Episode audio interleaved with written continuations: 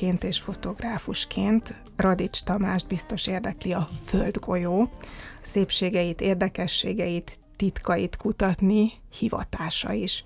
Abból, hogy több mint egy éve előadásokat tart Kispesten, a számára, vagy számunkra inkább egzotikus világban tett utazásairól, ebből pedig arra következtetek, hogy szereti megosztani az élményeit, és élvezi, ha mások is lelkesednek azért, amit ön átélt. Üdvözlöm hallgatóinkat, Szabó Csilla vagyok. Nekem a Magyar Katolikus Rádióba eljutni Budapesten tömegközlekedéssel az egy óra. És van egy ilyen rádiós szabály, hogyha valaki élő műsort vezet, akkor egy órával az adás előtt meg kell érkeznie. Tehát én így indulok el. Ma reggel a busz, amire felszálltam először, megállt a következő megálló előtt, és egy hatalmas tömeg felszállt, mert az előttünk haladó járat lerobbant nem tudom, vannak a világutazás során ilyen bakik, hogy a, nem tudom, Afrika egyetlen busza, amivel el kéne jutni valahova, megáll a szavanna közepén. És akkor most mit csinálunk ott a nagy hátizsák, de hova tovább, hogyan tovább? Jó reggelt a kedves hallgatóságnak. Vannak persze ilyen, ilyen helyzetek, de ez attól is függ, hogy, hogy a világ mely szegletében járunk mert például Afrikában, mondjuk Kelet-Afrikában, Uganda, Tanzánia részen, ott tipikusan jellemző az, hogy megoldják, bármi van. Tehát, hogyha a voltam úgy a Sztyeppén, hogy, hogy volt egy furgonautó, a, ahol nem az volt a kérdés, hogy befére az autóba, vagy, vagy hátra a csomagtartóba, hanem hogy a motorház tetejére, a tetejére hány ember, hány maszáj fér fel, és és elképesztő embertömeg ment a, az autón, a masszáz olyan volt, mintha az autó nem is látszott volna, hanem egy nagy embertömeg, az valahogy gyorsabban a, a poros, ö, ilyen füves szavannás ö, utakon így a zsiráfok között így, így valahogy menne. Szóval egészen elképesztő volt. Aztán persze vannak a világnak merevebb országai is, úgymond, ahol, ahol ugye másodpercre pontosan érkezik meg a, a busz, és, és ha rajta vagy, akkor rajta vagy, ha nem, akkor nem vagy rajta. Szóval eléggé változatos, és tényleg attól függ, hogy, hogy a világ mely szegletében vagyunk. És erre lehet készülni? Abszolút, igen, igen. Tehát, hogy mi itt igazából Közép-Európában egy egészen ilyen kiszámítható rendszerben, ez talán lehet, hogy, hogy így nehéz elhinni, de egy nagyon kiszámítható rendszeren belül élünk, és néha megnézni azt, hogy, hogy más világrészeken ezen a sártekén hogyan működnek ezek a dolgok. Én, én amikor például dolgozom, vagy akár a barátokkal megyünk el külföldre, és most mondjuk nem Szlovákiára, vagy Romániára gondolok, hanem mondjuk más kontinensre, akkor, akkor mindig felkészítem őket arra, hogy hát itt, itt most vagy figyelni kell az időre, de általában én azokat a részeket szeretem, ahol, ahol ilyen elengedősebbnek kell lenni. Tehát, hogy, hogy ott, ott bele kell abba a helyi vibe egy picit simulni, elengedni, engedni, a, tehát hogy nem érdemes szorongni ezeken a, a, a dolgokon, mert, mert, mert meg kell tudni, meg kell tanulni elengedni. És ez nagyon sok mindenre jellemző, vagy, vagy, vagy igazot, nem csak a tömegközlekedésre, hanem az, hogy váratlan szituk jönnek, ettől lesz ízes egy utazás, ettől lesz jó sztori, hogyha minden tök kiszámítható lenne egy tíznapos, vagy akár egy hónapos út során, akkor, akkor azt mondanánk, hogy hát figyelj, igen, tök jó volt, de így egy baráti beszélgetés során, meg azt mondjuk, hogy fú, képzeld, az történt, hogy is ott vártunk, és nem jött, és egy másfél nap múlva tudtunk menni, stb. stb. Szóval igazából hogyha elhagyjuk Európát, vagy én szigorúbban azt szoktam mondani az embereknek, hogyha már Magyarországtól délre és keletre elmegyünk, az már egy teljesen más rendszer, tehát már a szomszédos országok tekintetében is, és hogyha még messzebbre megyünk, mondjuk Közép-Ázsiába, vagy Indonéz rész, vagy akár Afrikába, vagy nem tudom, latinamerikai részekre, ott ez a bizonytalanság, erre, erre fel kell készülni. De ez nem rossz dolog, ezt lehet kezelni, én tudok abba segíteni az én utasaimnak, vagy a barátoknak, hogy, hogy irányítsam őket ebbe a dologba, és a végén teljesen bele tudnak simulni. Mm. Tehát Radics Tamás nem egy olyan típusú utazó, hogy van egy ilyen lista, hogy ezeket fogjuk megnézni, és akkor boldogan pipálja, hanem hát nem biztos, hogy minden megvalósul, amit eltervezett itthon Budapesten.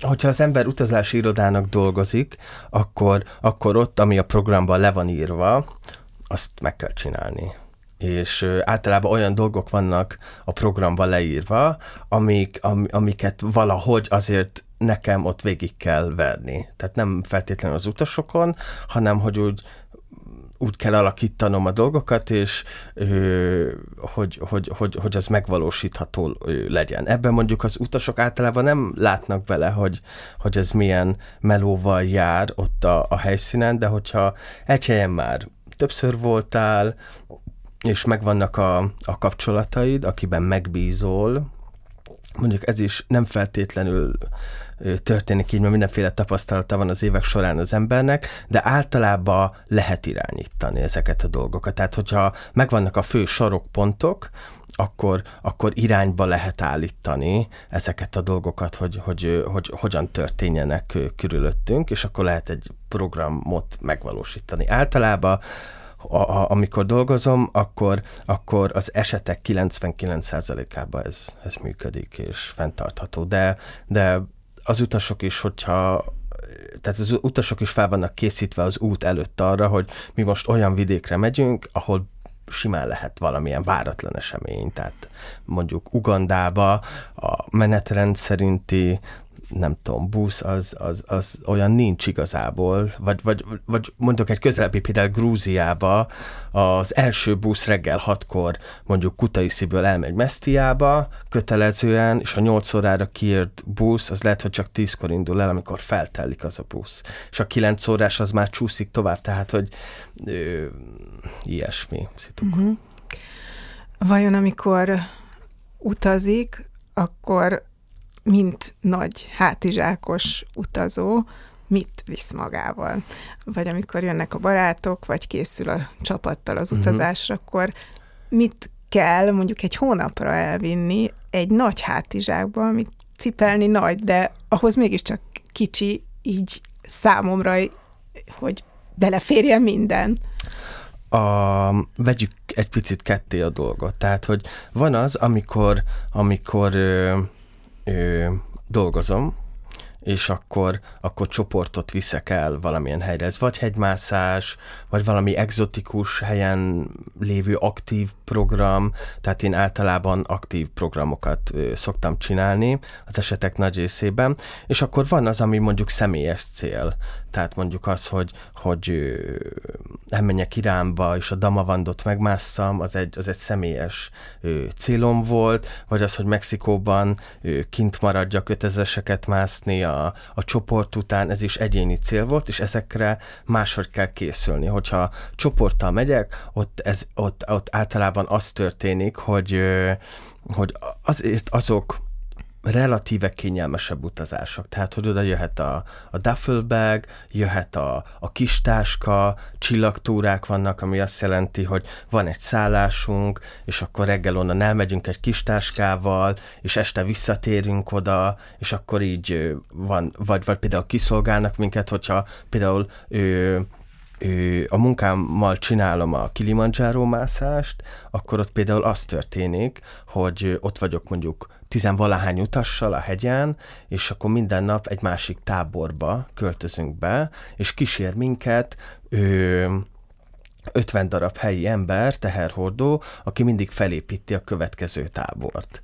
Na, és ott is neked, hogy csak mondjuk, hogy mondjuk csak az aklimatizációra kelljen figyelned, meg arra, hogy te teljesen bele tud simulni a vibe-ba, ami, ami egyszerűen zseniális azon a, azon a hegyen, ahogy ez történt. A vibe-ba, bocsánat, vibe. tehát, hogy abba a, a hangulatba, érzelmi szintbe, ö, millióbe, ami ott a hegyen fogad, mert, mert például a Kilimanjáron végig menni, az, az, az egy hihetetlen hangulata van, ha az ember egy picit elengedősebb tud lenni, tehát az igényeivel szemben. Ugye ott nem nagyon lehet fürödni, ilyen kis tálkába meleg vizet hoznak, és akkor abba a fontosabb testrészeket át lehet mosni például, de, de hogy szóval így a, a programokon belül is azért, hogyha ha a túrákat vezetek, akkor, akkor, akkor ott egy picit ilyen megengedőbb a dolog, és nem kell nagyon arra koncentrálni, hogy most mit pakolsz. Mm. De hogyha, mondjuk... De az az izgi, hogyha nincs ott az az 50 ember, akkor mit rakunk bele? Igen, igen hogyha... Egy ilyen hogyha, csomagban, hogyha, Budapestről el kell vinnünk. Hogy, hogyha megyek az egyéni célok irányába, és akkor nekem az a hegymászás, meg a magas hegyi túrázás, akkor ott, ott meg a célnak, tehát ami az én célom, annak megfelelően összeállított csomag. És akkor például volt olyan, hogy, hogy nekem van egy 100 literes táskám, ez egy túrazsák igazából, úgy hívom, hogy nagy disznó, és ezt, ezt tele lehet pakolni.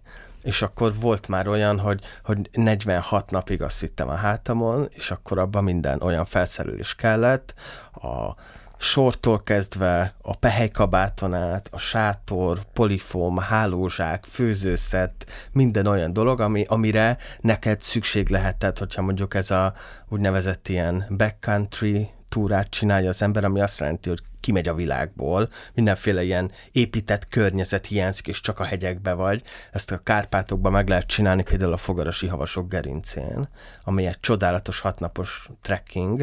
Ő nagy táskával azon végig menni önerőből, az annyira kiszakít a hétköznapokból, és egy olyan rezetet csinál, ami, ami Ilyen után... Szünetet? Ö, Törlést? igen, törlés. Tehát, hogy, hogy ott, amikor nagy táskázik az ember, az egy teljesen más műfaj.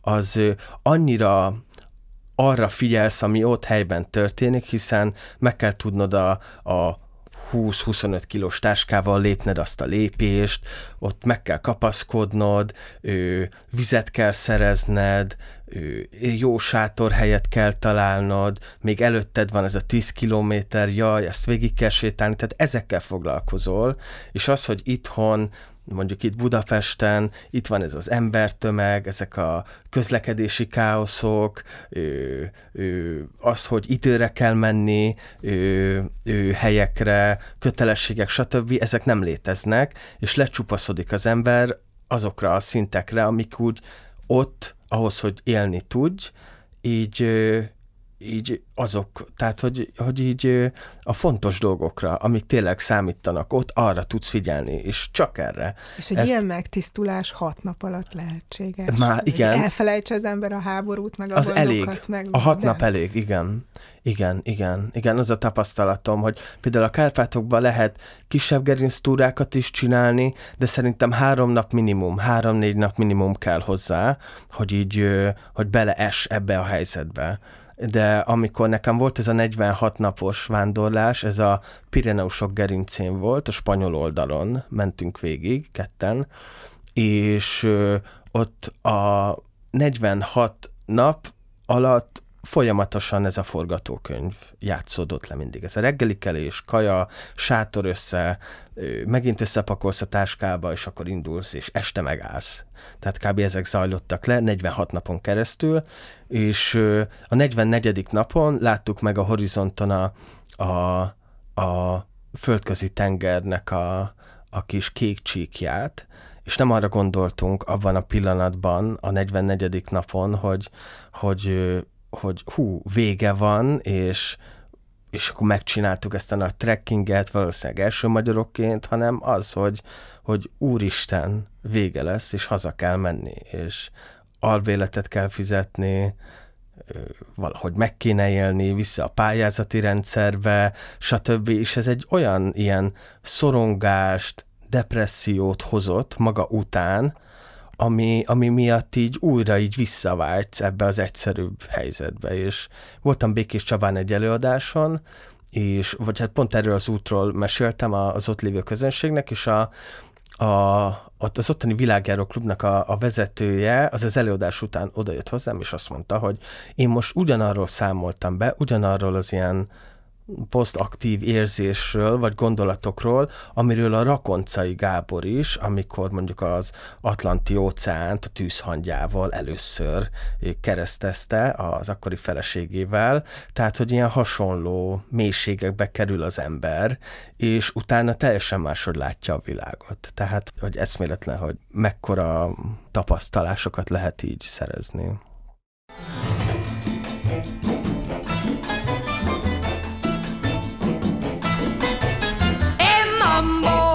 Mambo Italiano, hey mambo, mambo Italiano, go, go, go. You mixed up Siciliano, all you Calabrese do the mambo like a crazy with a hey mambo. Don't want a tarantella, hey mambo. No more the mozzarella, hey mambo. Mambo Italiano, try an enchilada with the fish bacala and hey gumba. I love how you dance rumba. But take some of advice, paisano. Learn how to mambo. If you're gonna be a square, you ain't gonna go nowhere. Hey, mambo, mambo Italiano. Hey, mambo, mambo Italiano. Go, go, Joe. Shake it like a Giovanni. Hey, look, as a ditch, you get a happy in the feet. So when you mambo. A Magyar Katolikus Rádióban folytatjuk a házunk tájánt. Geográfusként Radics Tamásnak vannak olyan előképei, vagy példaképei, akiket szívesen olvas, figyel, akiknek a nyomán szeret járni.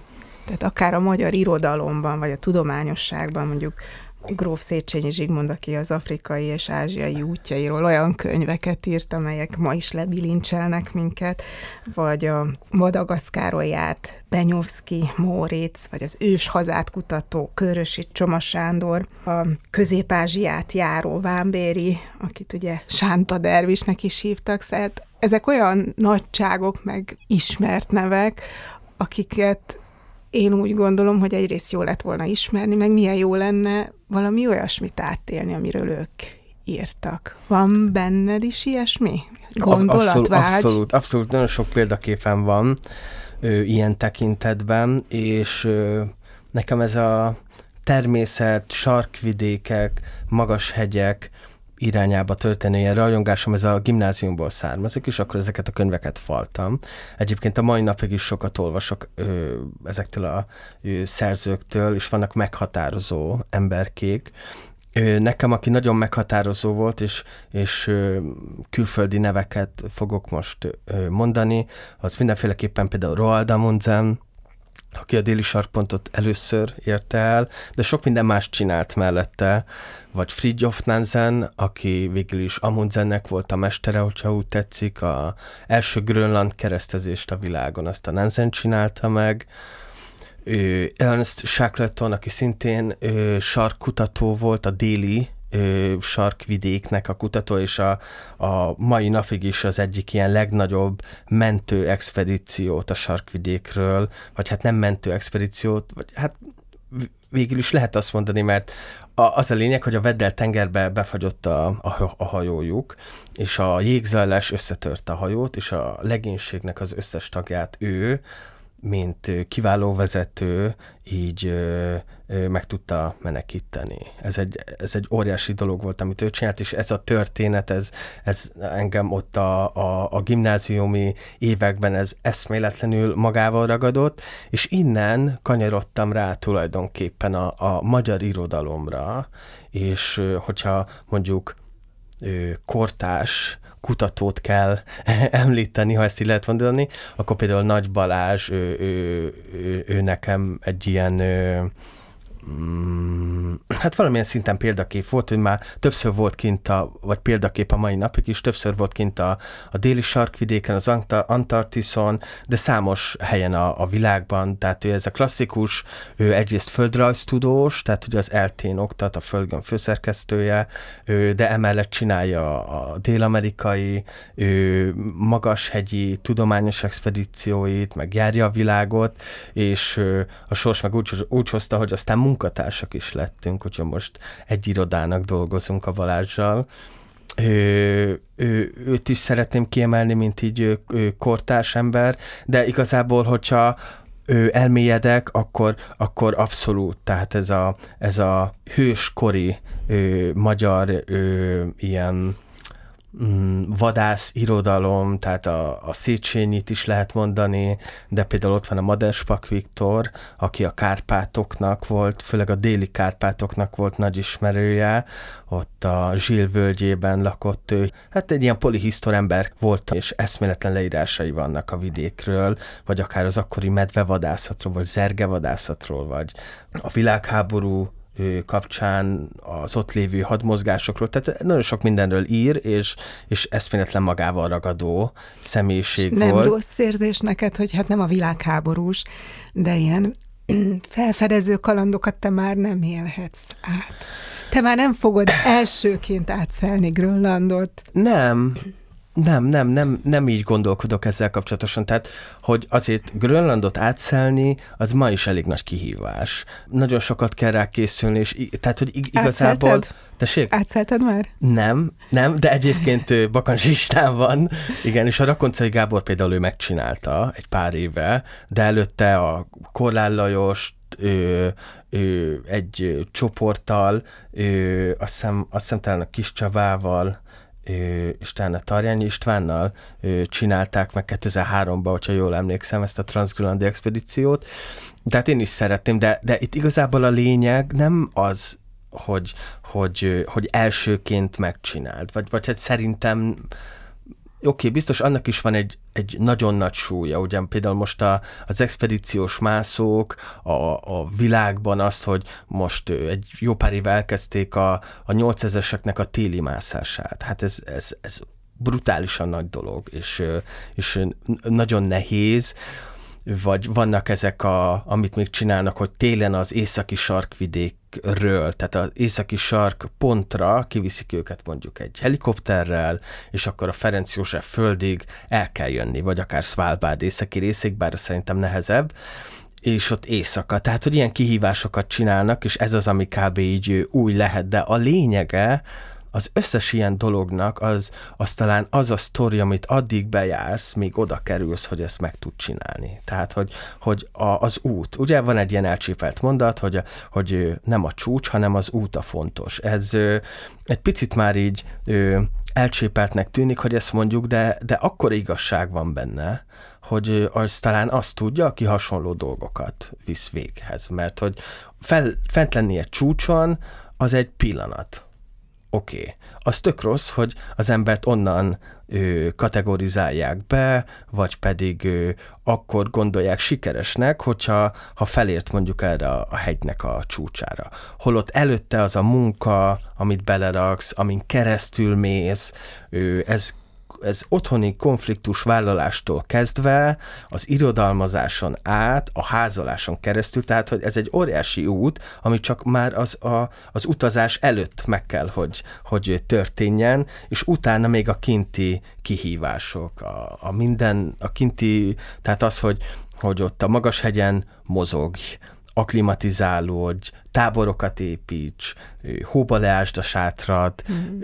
vizet olvasz, vagy hogy a havat olvasz víznek, tehát hogy rengeteg dologból tevődik össze, és, és ez, ez az, ami számít, ez, ez lesz sztori, ezt tudod elmondani, az, hogy most hát igen, én álltam a, nem tudom, Elbrus csúcsán, akkor oké, mindenki mondja, hogy hú, hát az 5642 méter magas a nyugati csúcs, hát ez tényleg klassz. De hogyha azt mondom, hogy hát nem volt engedélyünk, feketén sátraztunk, az egyik hegyre a katonák nem engedtek fel, éjszaka attól rettegtünk a felvonóállomáson, hogy most nemzeti parkőrök jönnek, és megbüntetnek, vagy nem. Ő, teljes whiteoutba az az ilyen ködfehérsébe, tehát amikor hó van, meg még köd, és nem látod a horizontot, hanem csak egy ilyen nagy fehér káoszba mész, akkor hogy, hogy úgy értük el Európa legmagasabb pontját, szóval, hogy így ezek És semmit ezek nem sztorik. látotok akkor tulajdonképpen, semmit. csak fehérséget. Igen, De igen. akkor miért érdemes? Hát Tehát emiatt. szeretnék már valakitől egy választ kapni arra, hogy miért jó az valakinek, hogy ledobják egy óriási feketeségbe az északi sar közepére télen, és na most életben maradsz, vagy nem. De nem csak te, hanem a másik X ember is Igen. kockáztatja, érted az életét. Igen, hát... Vagy fölmászol a legnagyobb hegyre, és ott hal melletted meg az x nem tudom én hány ember. Lehet, hogy te is. Ez miért, én, miért én, jó Én, ez én azt kihívás? gondolom, hogy, hogy, ez? hogy, hogy, ö, tehát, hogy ez a, a kérdés, ez igazából nem ennyire sarkos, hogy, hogy most meghalsz, vagy nem halsz meg. Mert nem ez a fő kérdés. Nyilván senki nem akar meghalni, mert meghalni nem annyira jó dolog. Ö, De kockáztatja. Nyilván tudja, hogy kockáztatja az életét ezzel. De most, hogyha őszintén belegondolunk abba, hogy milyen autópályán vezetni, ahol te bennülsz egy kocsiba, és találkozol több száz autóval, amíg mondjuk Debrecenbe elmész, és nem tudod, hogy ott az egyes autókban ülők éppen milyen állapotban vannak.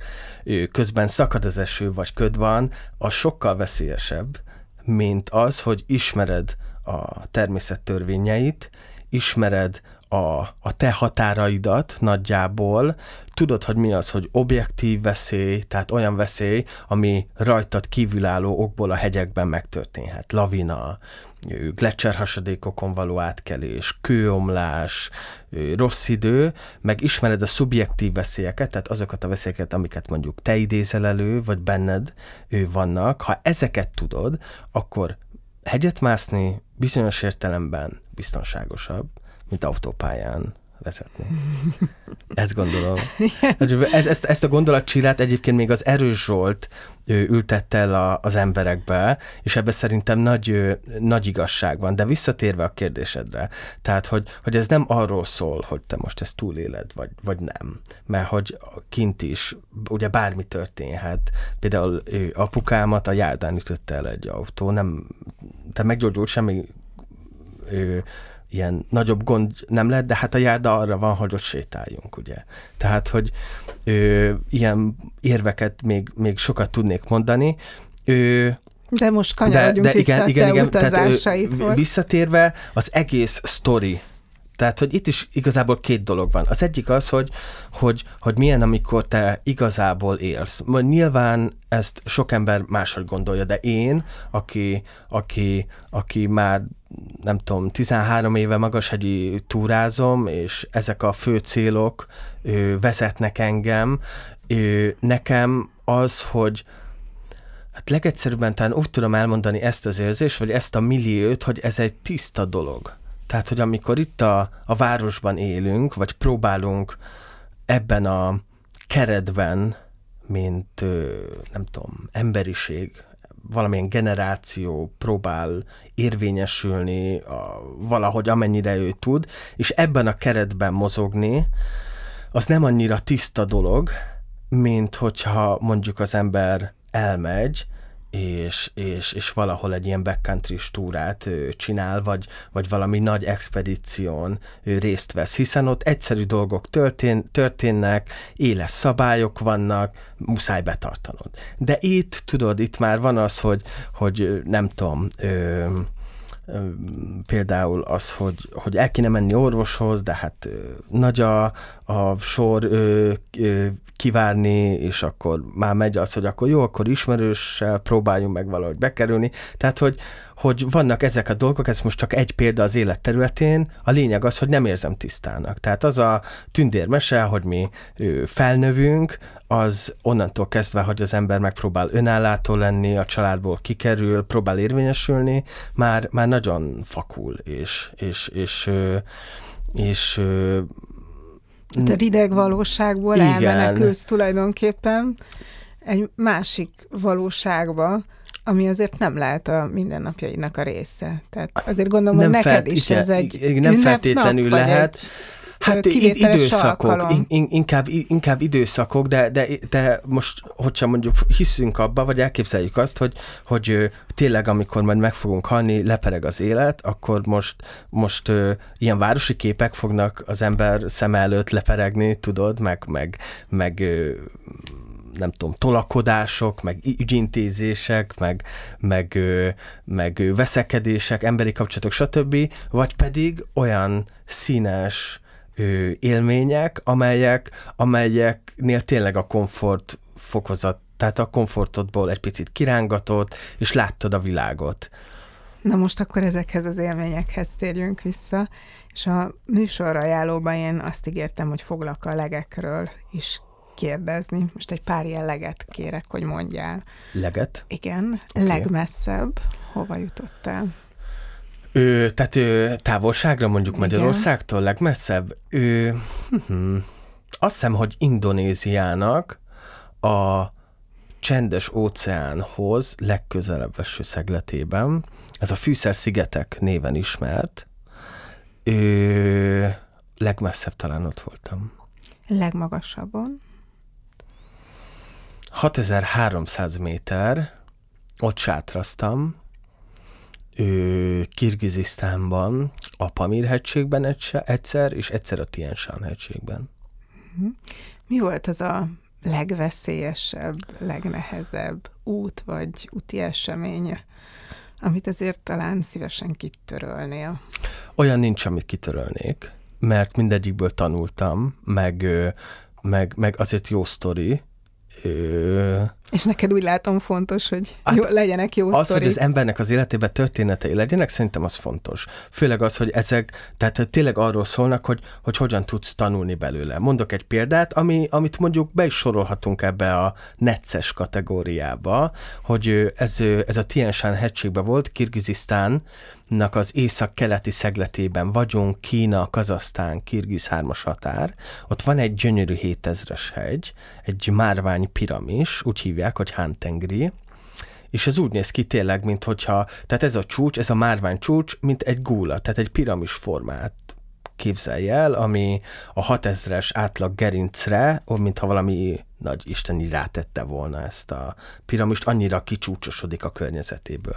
És ott másztam, egyedül voltam, és ott az egyes és a kettes tábor között haladni, az egy ilyen veszélyesebb dolog, mert ott egy függő gletszer van, ami azt jelenti, hogy a gletszer emelkedik. Tehát mondjuk 4400-ról 5006-ra fel kell menni, és vagy öt, nem, 5000, nem tudom, 300 vagy 400 méterre fel kell menni, és ö, sötétbe kell indulni, mert a gletszer hasadékokon a hóhíd akkor tart, tehát ezek ugye az objektív veszélyek, amiket kell ismerni, és az van, hogy 9 órakor, vagy fél tízkor, amikor a nap elég magasan jár, akkor a függőglecser melletti gerincet telibe kapja a nap, megsüti.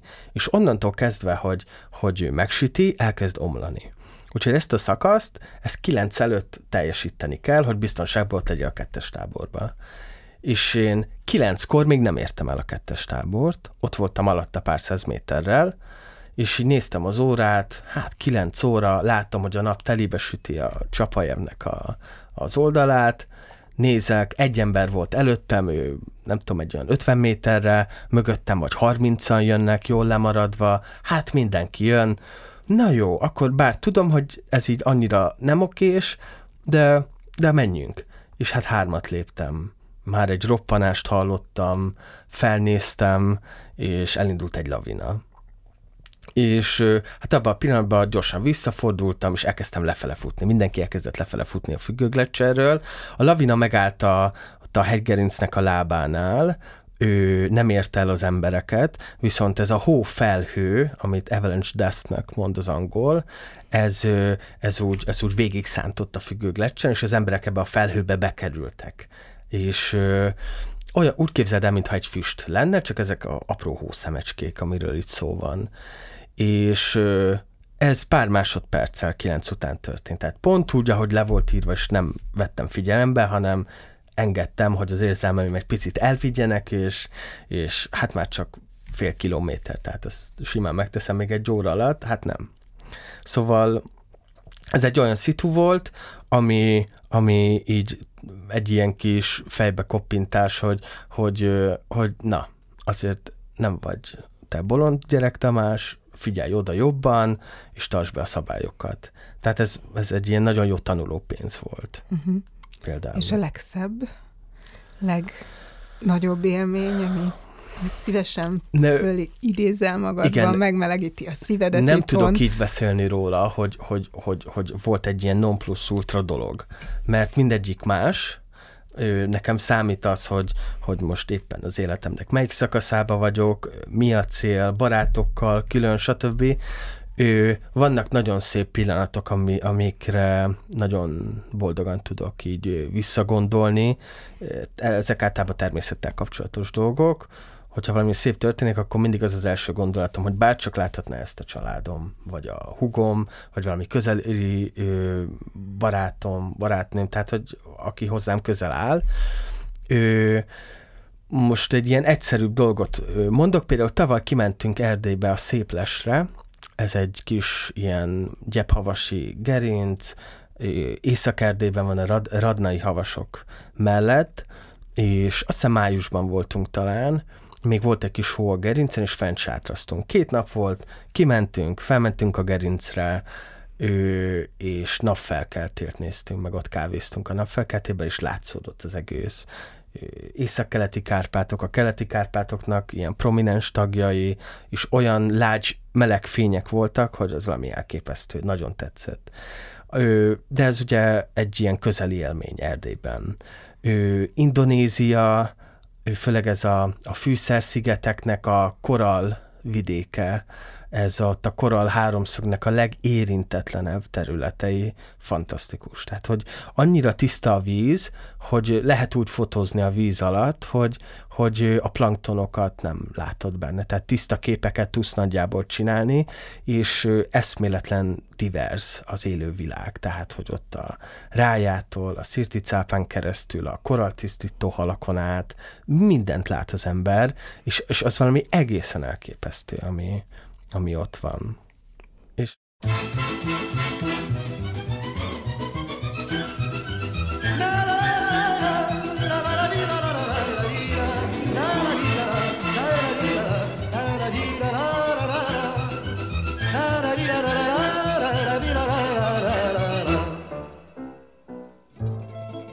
Deux diganes sans répit grattent leur guitare ranimant du fond des nuits toute ma mémoire, sans savoir que roule en moi un flot de détresse, font renaître sous leurs doigts ma folle jeunesse.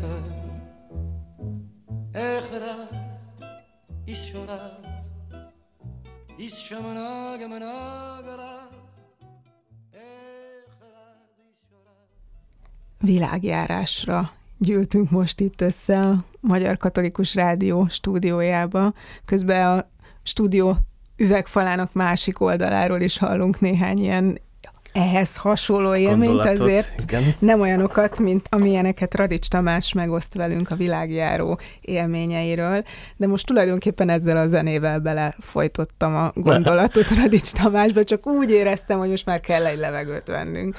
Tehát ott tartottunk, hogy ezek a nagy élmények, meg a koralvilág, meg az erdélyi reggel milyen nyomot hagyott benned. Igen, igen, igen, tehát ezek azért meghatározó dolgok, de az is nagyon meghatározó, amikor mondjuk ez például most szeptemberben történt, hogy a barátokkal kimentünk Iránba, és a Damavandot megmásztuk. Ez egy, meg, megint egy 5000-es csúcs, egy, egy, egy fantasztikus vulkán, ráadásul Irán az ott a helyi emberekkel, hát ott az valami hihetetlen, hogy ott mi megy keresztül az ember, tehát ott tényleg csak a sarokpontok vannak meg, és az közben az a kaotikusság. Bocsánat, nem ami... mernék Iránba bemenni. Ó, nagyon. Tehát, hogy ne, nem az 5000 5000, tehát lehet, hogy előbb mászom meg az 5000, nem tudom mit, mint hogy Iránba bemenjek. Nem, tehát, hogy én biztos attól félnék, hogy mi történik velem ott a, a bürokráciába, a törvény nélküli törvényben. Hogyha, hogyha az ember a, a, a bürokráciákon keresztül megy,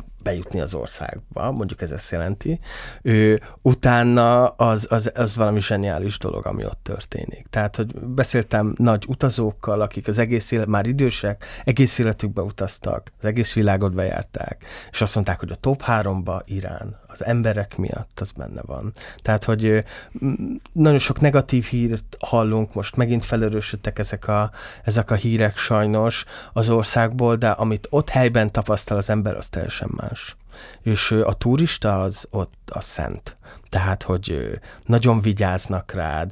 Az egyetlen olyan ország volt, ahol, ahol ahol mondjuk így a pénztárcámban nem néznek bele, amikor akarok fizetni. Tehát, hogy abszolút nem. Hihetetlen. Na, szóval az is nagy élmény volt, hogy ott a barátokkal együtt, tehát, hogy ott én voltam a tapasztalt, és, és a, a, a barátokat én támogattam fel a, a csúcsra, és az is egy teljesen más élmény, és még többet dobott rajta, hogy másoknak is tudtam ebbe segíteni, és akkor így az álmaikat így el tudták, vagy hát a, a közeli álmaikat, vagy céljaikat, ami mondjuk ezzel a hegyel volt, vagy akár az, hogy valamilyen magasra eljussanak, ö, ö, 5600 méter magas ez a csúcs, azért ez elég magas már, ő, ő, én tudtam nekik segíteni. De például ő, Kirgizisztánban például a Tiensent szeretném újra említeni, én ott, ott, ott annyira meghatározó volt az a három hét, amíg ott kint voltam, hogy, hogy az egészen elképesztő, és, és az, az, az egy, mondjuk így a, a szakmai, szigorúbb szemmel nézve szakmaibb, mászós, nem tudom, mondjuk karriernek, vagy céloknak, az, az, egy, az egy olyan ö, momentuma, vagy időszaka volt, ami egy ilyen abszolút hűha nálam. Uh-huh. Amikor geológusként végzett, vagy még az egyetemre járt, Igen. jártál, mert már többször tegeződtünk, szóval felmerülhetett volna egy ilyen klasszikus tudományos karrier. Igen, Te volt pedig is. egy világutazó lettél. Ez hogy Igen. dől el, hogy ki mit csinál, hova, hogy a, mi, te hova egy, kanyarodsz? Egy, egy picit vissza kell menni a, a gimis évekbe, tehát hogy ott kaptam rá erre, a, erre az expedíciós, kies helyeken való könyvek, vagy szóló könyveknek az olvasására, és akkor természetföldrajzt tanultam abból érettségiztem, abból emelt érettségiztem földrajzból, és aztán Debrecenbe kerültem geológiára. Mindenféleképpen a természet irányba szerettem elmenni, ezért mondjuk geológiát választottam, nem geográfiát, ahol a városföldrajz, meg gazdasági földrajz, ezek nem érdekeltek, és ö, aztán tanultam Debrecenbe három évet, Szegeden két évet, Kolozsvárt egy évet körülbelül, és utána PHD-n voltam Debrecenbe, és, és ott akkor például oktattam is három évig, de a, a tudományos vonalban nem tudtam túl jól teljesíteni, mert nem nagyon volt fenekem ahhoz, hogy, hogy így leüljek és elkezdjek cikket írni, tehát az nehezen ment. Az oktatás része könnyen ment, és szerettem, rajongtam bejárni, oktatni a, a hallgatókat. Az nagyon jó volt olvasni, meg terepezni, azt nagyon-nagyon szerettem, és inkább elvitte az időmet az, hogy, hogy igazából ez alatt az évek alatt is mindig úgy alakítottam a dolgokat, hogy magas hegyek között tudjak lenni. Tehát például voltam Kolozsváron ösztöndíjjal egy évig, nagyon jó dolgom volt ott, kb. heti három napot kellett benn lenni, és utána én mentem ki Erdélybe, és másztunk, és, és túráztunk, tehát hogy ö, ott is ezek voltak a fő irányok, és aztán elfogytak az ösztöndíjak, nem úgy alakult a gazdasági helyzet az egyetemen, hogy tudjanak tartani, bár állítólag szerettek volna, és egyik napról a másikra így tulajdonképpen kikerültem a valós életbe, és hát egy dolog volt, amihez úgy értettem meg, amiben úgy ismert voltam, azok ezek a túraszervezések, túravezetések, túrázás, magas hegyek,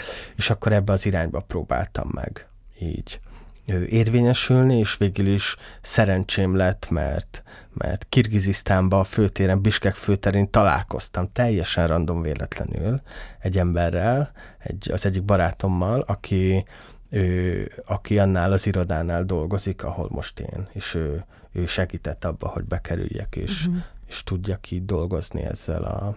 Tehát úgy járok hegyeket, meg egzotikus helyeket, hogy, hogy ez a, ez a hogy, igen, igen, hogy, hogy, hogy ez a hogy munkám, a hogy ez a munkám, de emellett a, ez a geológus vonal, ez az ismeretterjesztés kapcsán, ez nekem meg teljesen ott van, tehát hogy nem tudom, látok egy vulkánt, és akkor a többieknek már el tudom mesélni, hogy itt most tulajdonképpen mi is van. És ez egy olyan plusz, amit mondjuk kevés ember ad meg, mondjuk egy klasszikus idegenvezető, mivel nincs hozzá mély tudása, nem biztos, hogy át tudja adni úgy, ahogy mondjuk egy olyan valaki, aki mondjuk geológiát tanult. Mm.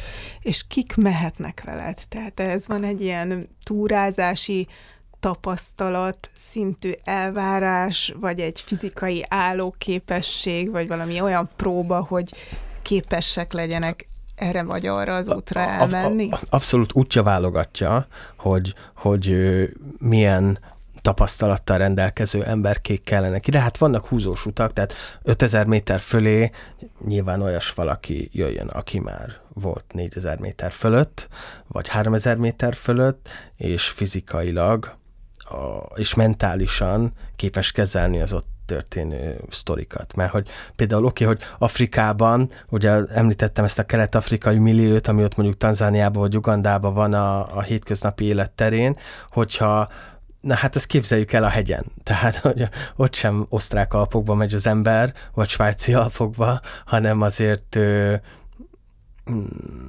egy picit nyitottabbnak kell lenni a, az emberek irányába, meg el kell tudni fogadni azt a hegyen is, hogy mondjuk más mentalitás uralkodik, mint, mint mondjuk, nem tudom, nyugat-európai, alpoki országokban. Uh-huh. Tehát azért kell egy túrázott tapasztalat, edzettség, egy ilyenfajta utazáshoz. Akkor ő akik fejben mennek... erősebbnek kell lenni, szerintem, mint, mint fizikailag, mert az, hogy, hogy az ember elfárad fizikailag, ez, ez, ez sokszor ezt, ezt felül tudja írni a, a fej, hogyha valaki fejben erős. Tehát, hogy, hogy az fontos, hogy valaki azért tehát megvannak a lépcsőfokok, hogy mikkel kell kezdeni, és, és a, a lépcsőfokok az hozzák magukkal azt, hogy, hogy, hogy, hogy, hogy oda már mi kell, mentálisan, fizikailag, és hogyha van egy Kilimanjaro, ami 5800 méter, akkor oda már jobb esetben olyan emberkék, gondolják azt, hogy szeretnének jönni, akiknek már van valami tapasztalata. Azért mondom, hogy jobb esetben, mert hogy... Mert volt olyan, hogy nem. Abszolút, tehát igen, ő, nem mindig reális az emberek képe. Tehát például, ha egy nagyon egyszerű példa, manapság túrát kiírni, vagy programot kiírni, úgy, hogy azt írjuk le, hogy, hogy átlagos kondícióval teljesíthető, ezt már nem érdemes, mert az, az, az átlag kondi az ma az nem, nem az, mint ami 20 éve vagy 10 éve volt. Uh-huh. Ugye ezeket az országokat, amiket te bejársz, hát én úgy gondolom, hogy már oda is eljutni költséges, de bejárni, ott lenni tíz napig, egy hónapig, az, az nagyon sokba kerül. Nem csak az, amit az utazási irodának fizetsz, hanem minden, ami kell hozzá a felkészüléshez, meg az ott léthez. Tehát azért ez nagyon sok embernek csak egy ilyen távoli álom.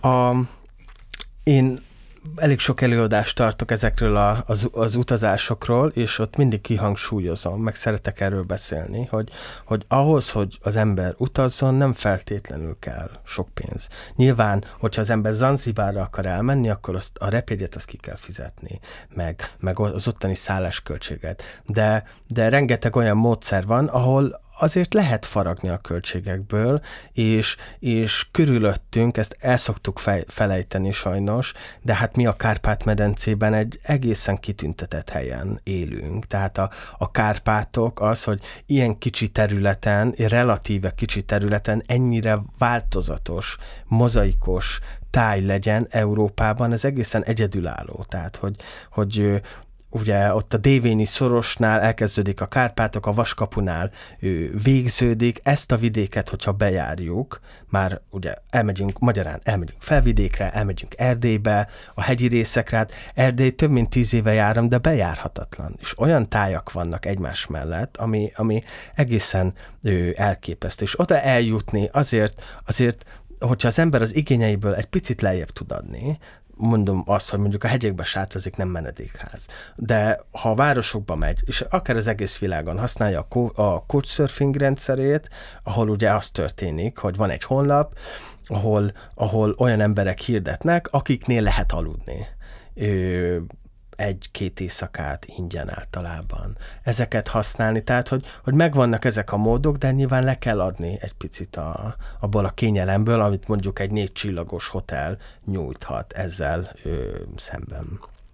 Szerintem még fogunk Radics Tamással majd beszélgetni, akár erről, hogy végigvezessen minket egy ilyen úton, vagy az útra való felkészülésen, hogy hogyan lehet belevágni.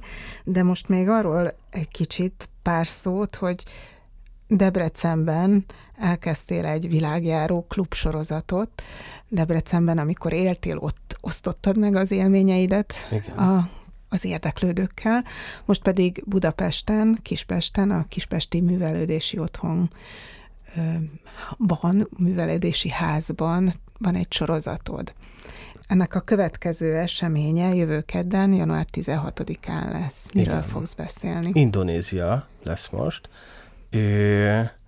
A KMO-val ez lesz a harmadik fél évünk az előadás sorozatok tekintetében a tavaszi fél év, ez a hosszabb, aztán hat előadás lesz, és tehát júniusig fog menni minden hónapba egy, általában keddenként, és a következő előadás az akkor valóban jövő hét kedden lesz, és Indonéziának pont ezt a fűszerszigeteki részét azt fogom bemutatni. Indonézia egy óriási ország, akkor, amit Európa, 5600 kilométer, felfoghatatlan, 20 ezer szigetből áll, szigorú tekintetben nézve, hát eszméletlen vidék, és annak egy nagyon kicsi szegletéről lesz szó. Mindenféle képeket fogsz mutatni a gyönyörű fotóidról, mert fotográfus is vagy, filmfelvételekkel, ízes történetekkel, érdekességekkel mutatod be ezt a kis gyöngyszemet, és a többi sorozatodban is természetesen kérdezhettek tőled Abszolút. a hallgatók, az érdeklődők, meg utána is maradsz, és akár olyan kérdésekre is válaszolsz, hogy hogy lehet belefogni a világjárásba. Köszönöm szépen a hallgatók figyelmét. Önök a Magyar Katolikus Rádióban a házunk táján hallották. Vendégem Radics Tamás, geológus, fotográfus, utazó, világutazó volt. A stúdió másik oldalán a technikus munkatársunk Fülöp Csaba. Búcsúzom mindannyiuk nevében, Szabó Csillát hallották.